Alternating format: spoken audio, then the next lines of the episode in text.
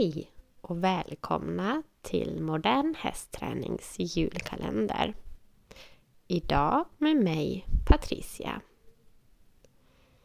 Jag vill prata om risker med belöningsbaserad hästträning idag. Kritikerna till belöningsbaserad hästträning är ju rätt bra på att lyfta dem. Och jag tänker att det är väldigt viktigt att vi inom communityn också lyfter dem. Det känns som att vi är ganska bra på det, men vi kanske kan bli bättre. För ja, absolut finns det risker. Ehm, jag väljer ju att eh, arbeta eller träna med positiv förstärkning alla dagar i veckan.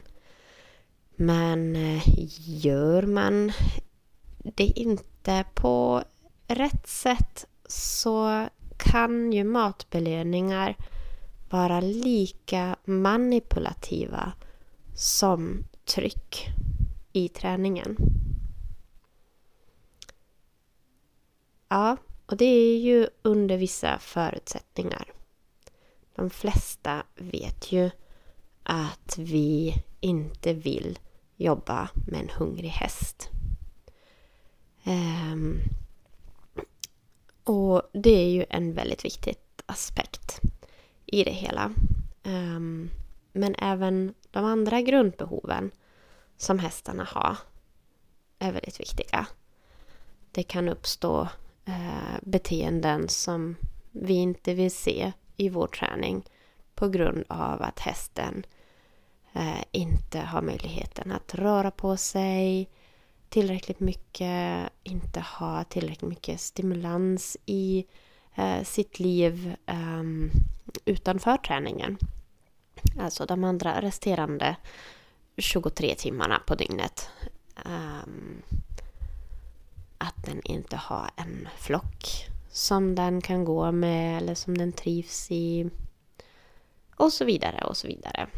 Så är inte grundbehoven på plats så um, kan det vara svårt att få till bra träning även om vi jobbar belöningsbaserad.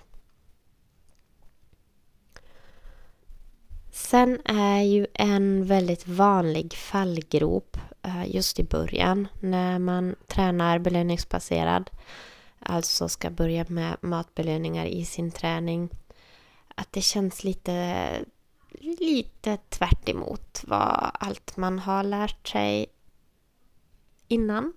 När man kanske har gått på ridskola eller överhuvudtaget rört sig i den traditionella hästvärlden. Um, så det blir lätt att man tycker men hästen ska väl ändå göra det här utan att jag stoppar mat i munnen på den hela tiden. Eh, det som kan hända då är ju att vi undanhåller belöningar i ganska stor utsträckning vilket leder till att vi inte rör oss i kvadranten positiv förstärkning längre. Utan då hamnar vi ju lätt i en negativ bestraffning. Plus att vi hamnar i informationslösa situationer där alltså hästen inte har någon information från oss um, om vad den ska göra. Så då kan den lätt visa upp en massa beteenden som den kanske tror att den, att den ska göra för att få nästa matbelöning. Um, och det är då det som vi ofta kallar för frustrationsbeteenden. Eller i mer vardaglig språk, hästen blir till godismonster eller hästen blir tiggig och så vidare. Um, en annan sak som jag tycker man stöter på ganska ofta är att hästtränare eller hästägare är oroliga över att hästar bara koncentrerar sig på nästa belöning och inte på någonting annat, inte på någonting däremellan. Och jag tänker att det går lite hand i hand med um, första risken här, att vi undanhåller maten eller att vi tränar med en eh, hungrig häst. Um, det som händer när vi missar de här bitarna um, är ju att vi får in en massa beteenden i vår träning som vi inte vill se. Um, det finns ju en hel del verktyg då för att undvika detta. Alltså det finns väldigt bra verktyg, verktyg att um, förhålla sig till de här riskerna. Och um, en av dem är ju uh, för det första att, ja, som jag nämnde tidigare, se till att hästens grundbehov är stillade. Se till att hästen har ätit grovfoder inte allt för långt innan du börjar träna med den.